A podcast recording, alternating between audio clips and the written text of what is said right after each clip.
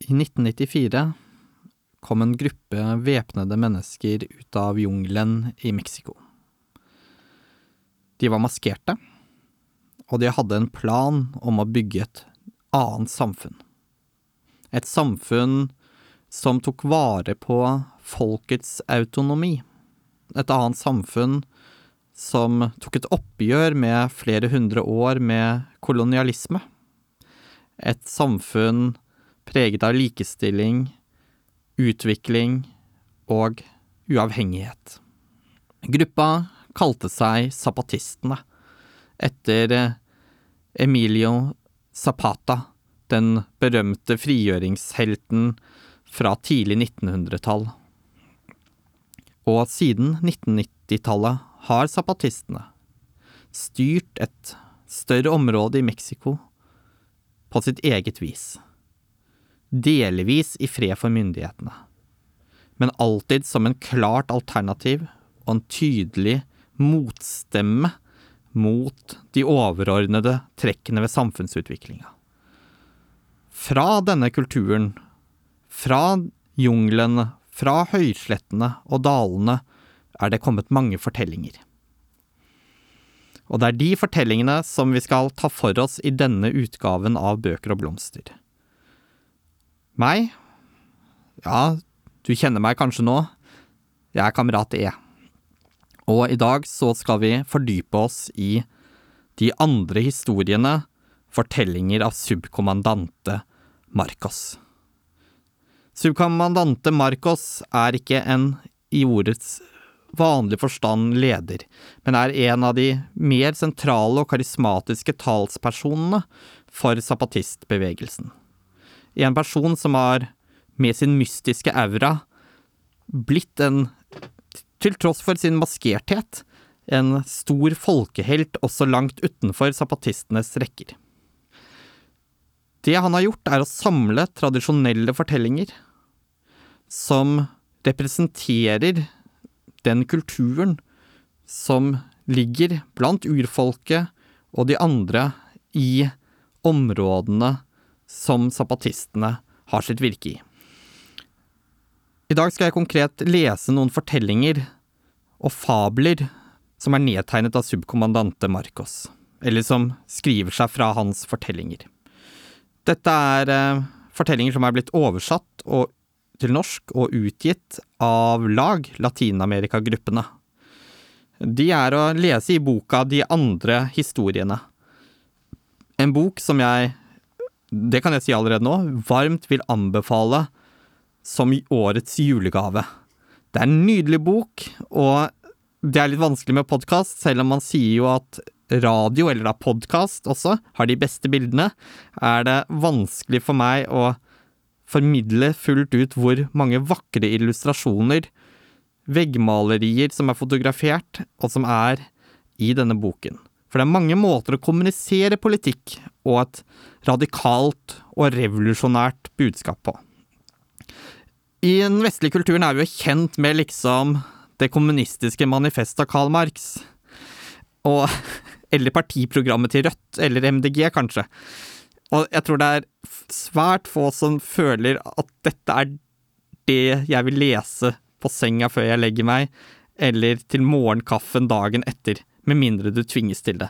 Eller det vil si, jeg kan jo korrigere meg selv, en gang i tiden var jeg en sånn som leste Kapitalen til frokost og pugget partiprogrammer før jeg la meg om kvelden. Men hvorfor skal jeg gjøre det når jeg kan lese de andre fortellingene?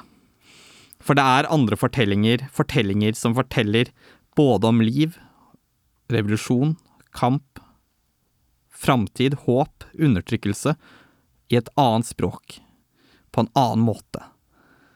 Og dette er fortellerteknikk og fortellerglede, og det er vel verdt å lytte til. Den gamle Antonio drømmer. Antonio drømmer at jorda som han jobber på, skal tilhøre han.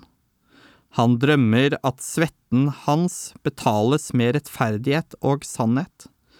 Han drømmer at det finnes en skole som kurerer uvitenhet, og en medisin som skremmer døden. Han drømmer at huset hans har lys, og at bordet hans fylles opp Han drømmer at jorda hans er fri, og at det er folket hans som regjerer og styrer over seg selv. Han drømmer at han finner en fred med seg selv og med verden. Han drømmer at han burde kjempe for å oppfylle denne drømmen. Han drømmer at det må forekomme død for at det kan finnes liv.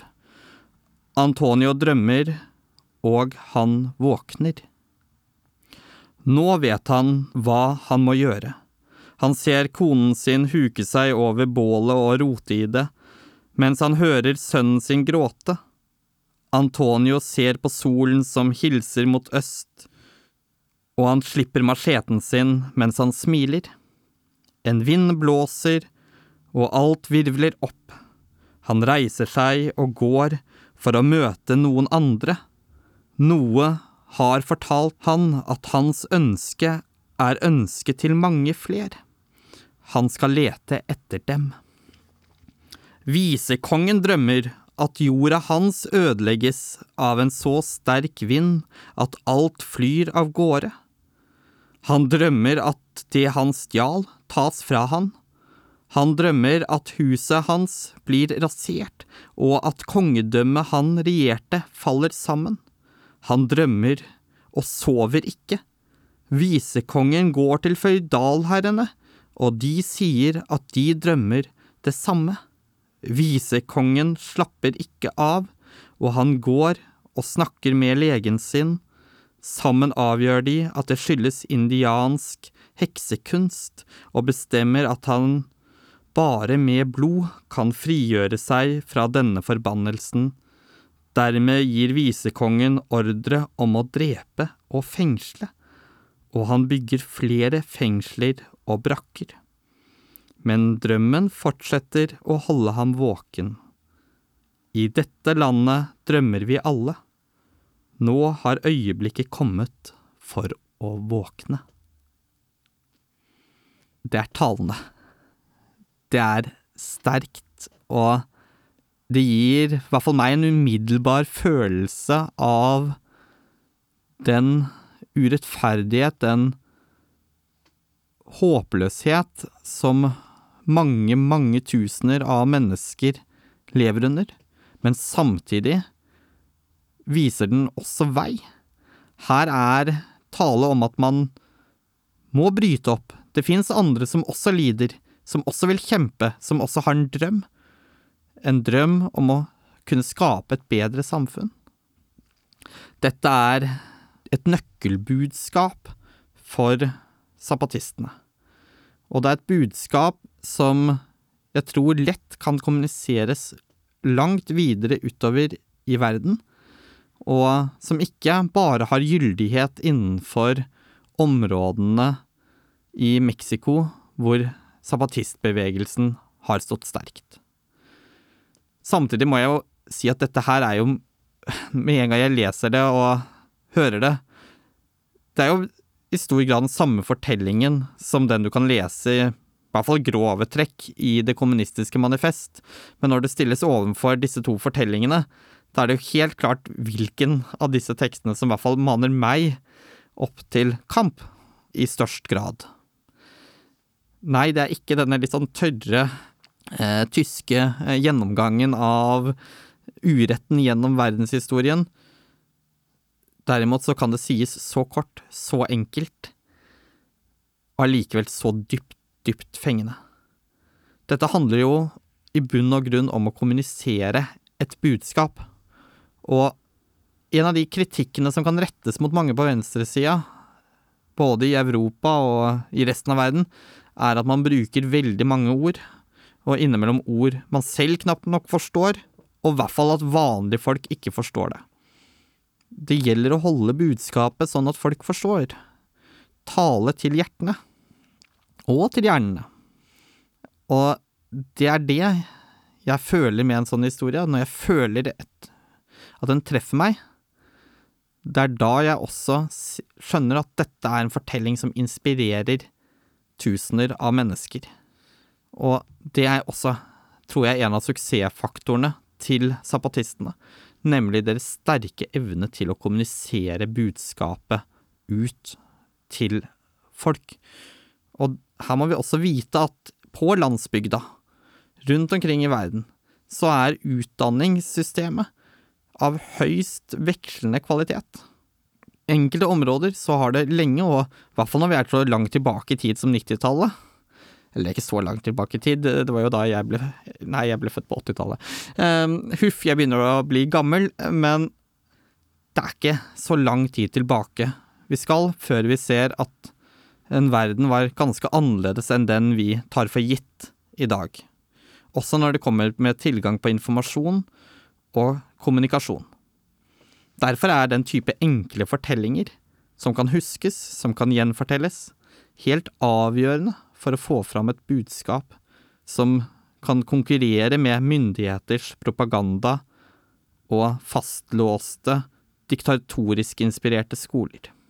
For det er også dette med utdanning som er en veldig viktig del av zapatistbevegelsens virke.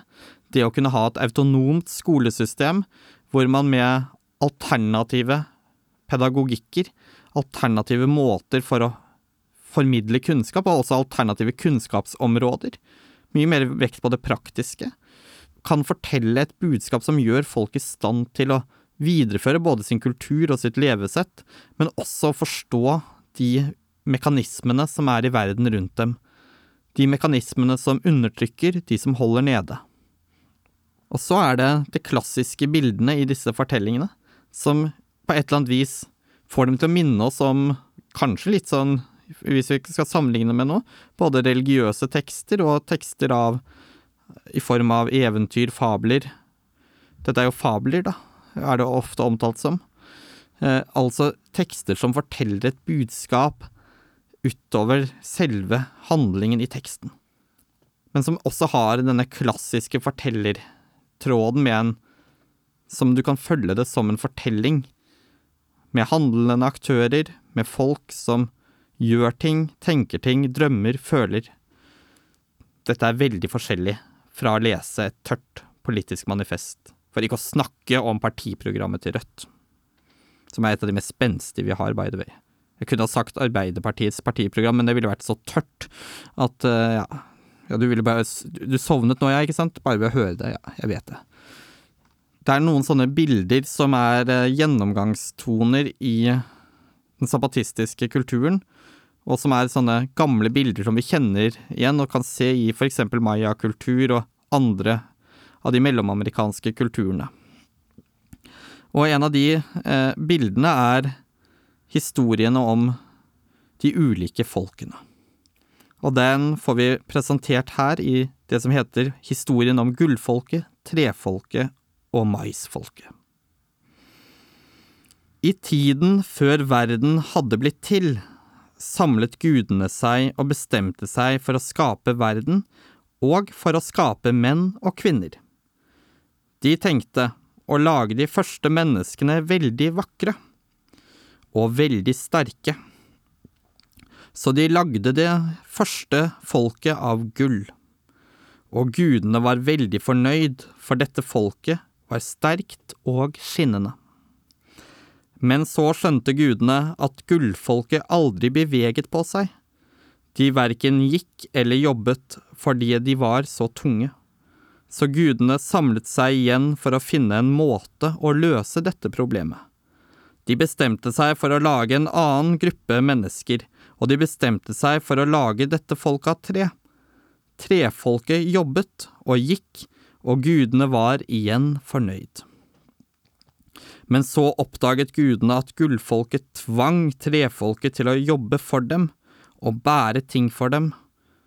Gudene skjønte at de hadde gjort en feil, og for å gjøre opp for denne feilen bestemte de seg for å skape et folk av mais. Et godt folk. Et sant folk. Så gikk gudene og la seg, og de overlot til maisfolket å finne en løsning på problemet.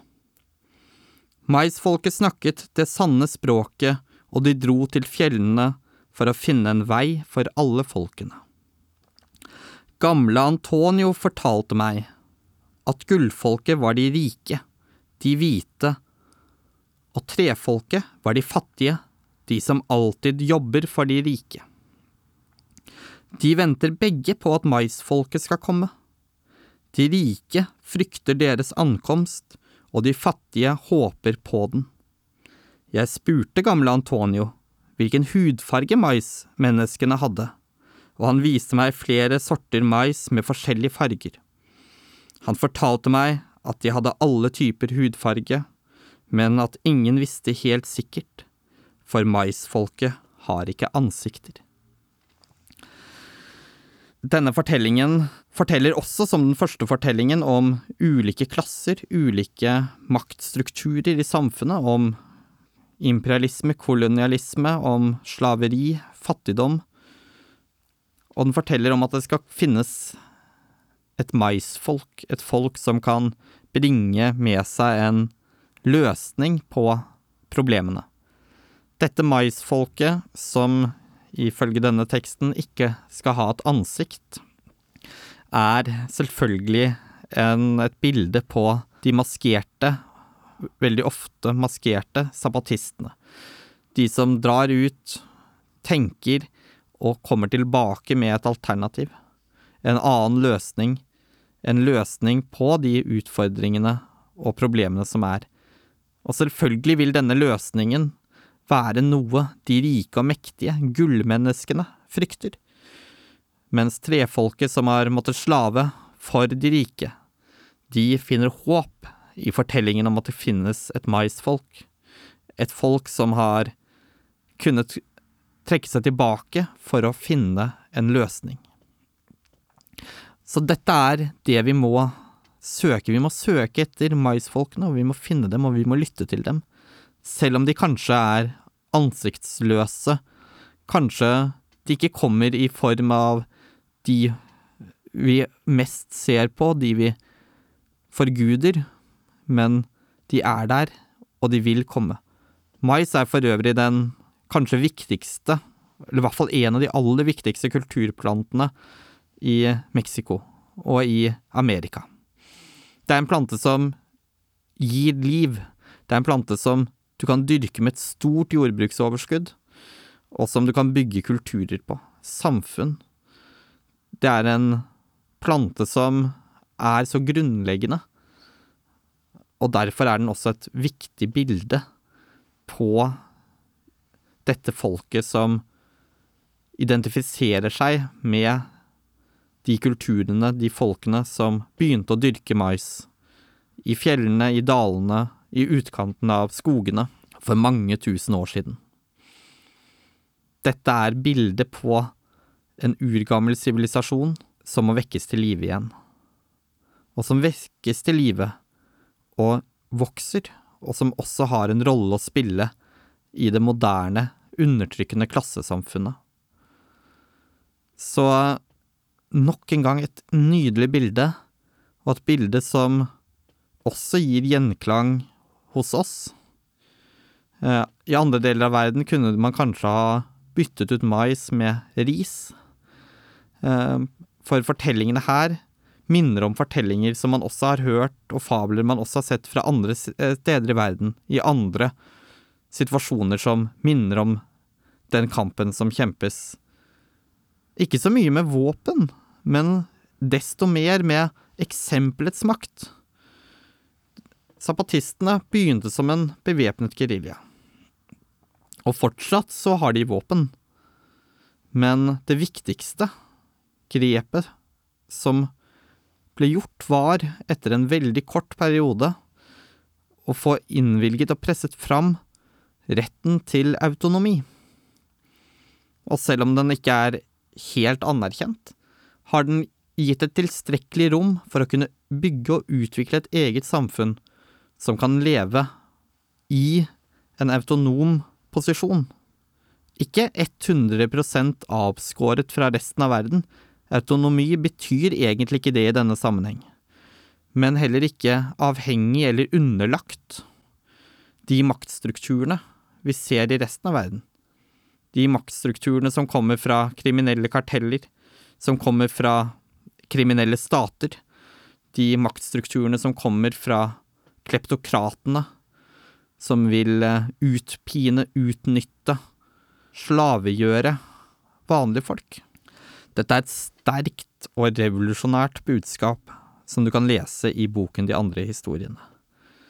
Og nå, når vi begynner å nærme oss tampen av denne podkasten, så tenker jeg å lese en tredje av disse fortellingene for dere. Og jeg vil jo virkelig nok en gang, for de av dere som ennå ikke har helt planlagt hva dere skal kjøpe til sånn jul eller jol eller midtvintersgave til eh, slekt og venner, hvis dere absolutt skal drive og kjøpe. Jeg tenker bøker er uansett en fin ting å kunne planlegge å gi, eh, gitt at personen jeg holdt på å si ikke er en komplett barbar, men eh, det skal nå alltid være greit å kunne gi bøker. Det tenker jeg. Jeg har selv et sånn prinsipp om at jeg egentlig ikke gir for mye gaver, men bøker og til en viss grad sjokolade og vin, det tenker jeg at det regnes ikke som gaver i mitt hode. Vi forsto etterpå. Historiene forteller at det i en landsby jobbet kvinner og menn for å kunne overleve. Hver dag dro kvinner og menn ut på sine respektive arbeidsplasser. Menn var på mais- og bønneåkrene, kvinnene bar vann og ved. Noen ganger var det arbeid som måtte gjøres i fellesskap, slik som innhøsting av kaffe. Da jobbet kvinner og menn sammen. Slik gikk tiden forbi. Men det var en mann som ikke gjorde det, på denne måten. Han jobbet, men verken med mais eller bønner. Han nærmet seg heller ikke kaffebuskene når bærene modnet. Nei, denne mannen arbeidet med å plante trær i fjellene. Trærne denne mannen plantet, var ikke slike trær som vokste opp raskt. De trengte flere tiår for å bli store, og for at greinene skulle bli lange og fulle av blader.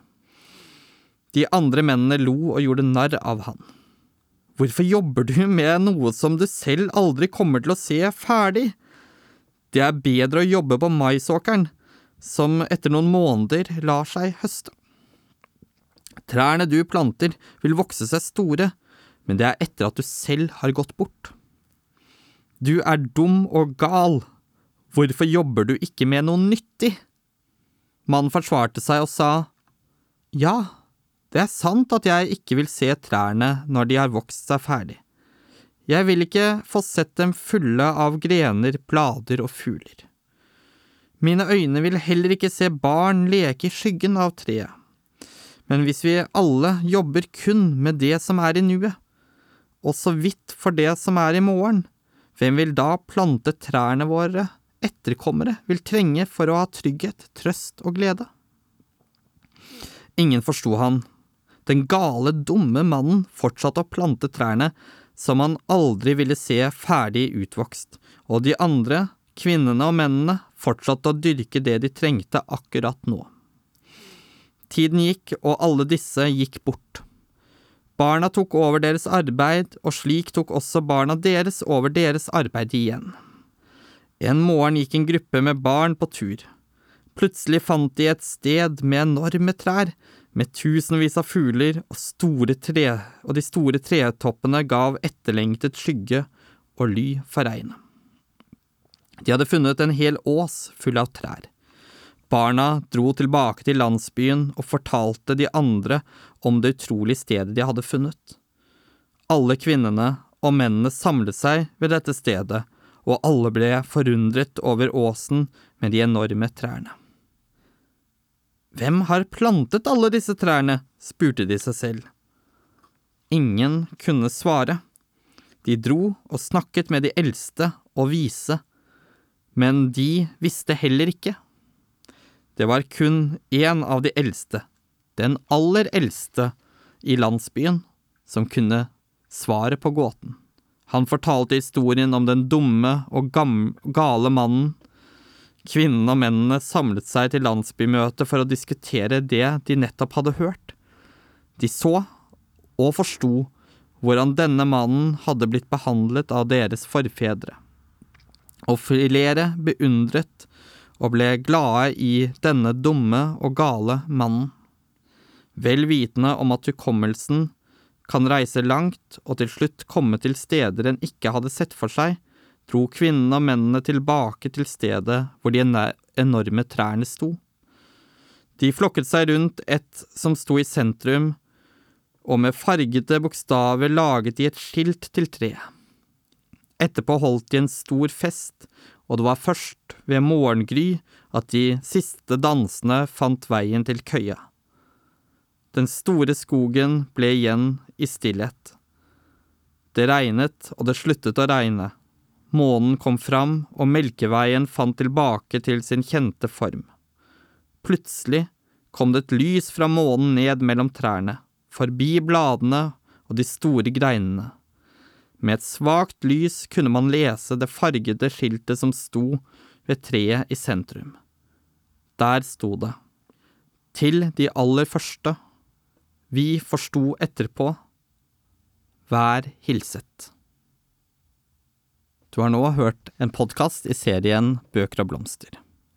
I dag ønsker jeg å gi en spesiell stor takk til Latin-Amerika-gruppen i Norge, som gjennom flere tiår har arbeidet aktivt med solidaritetsarbeid i Latin-Amerika, og som også har gitt ut boken De andre historiene, fortellinger av subkommandante Marcos, som har gjort det mulig for meg i dag å presentere for dere disse fantastiske fortellingene.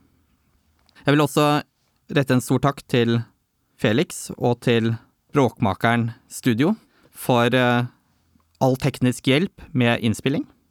Og meg, jeg som prater i det uendelige. Meg kan du kalle Kamerat E.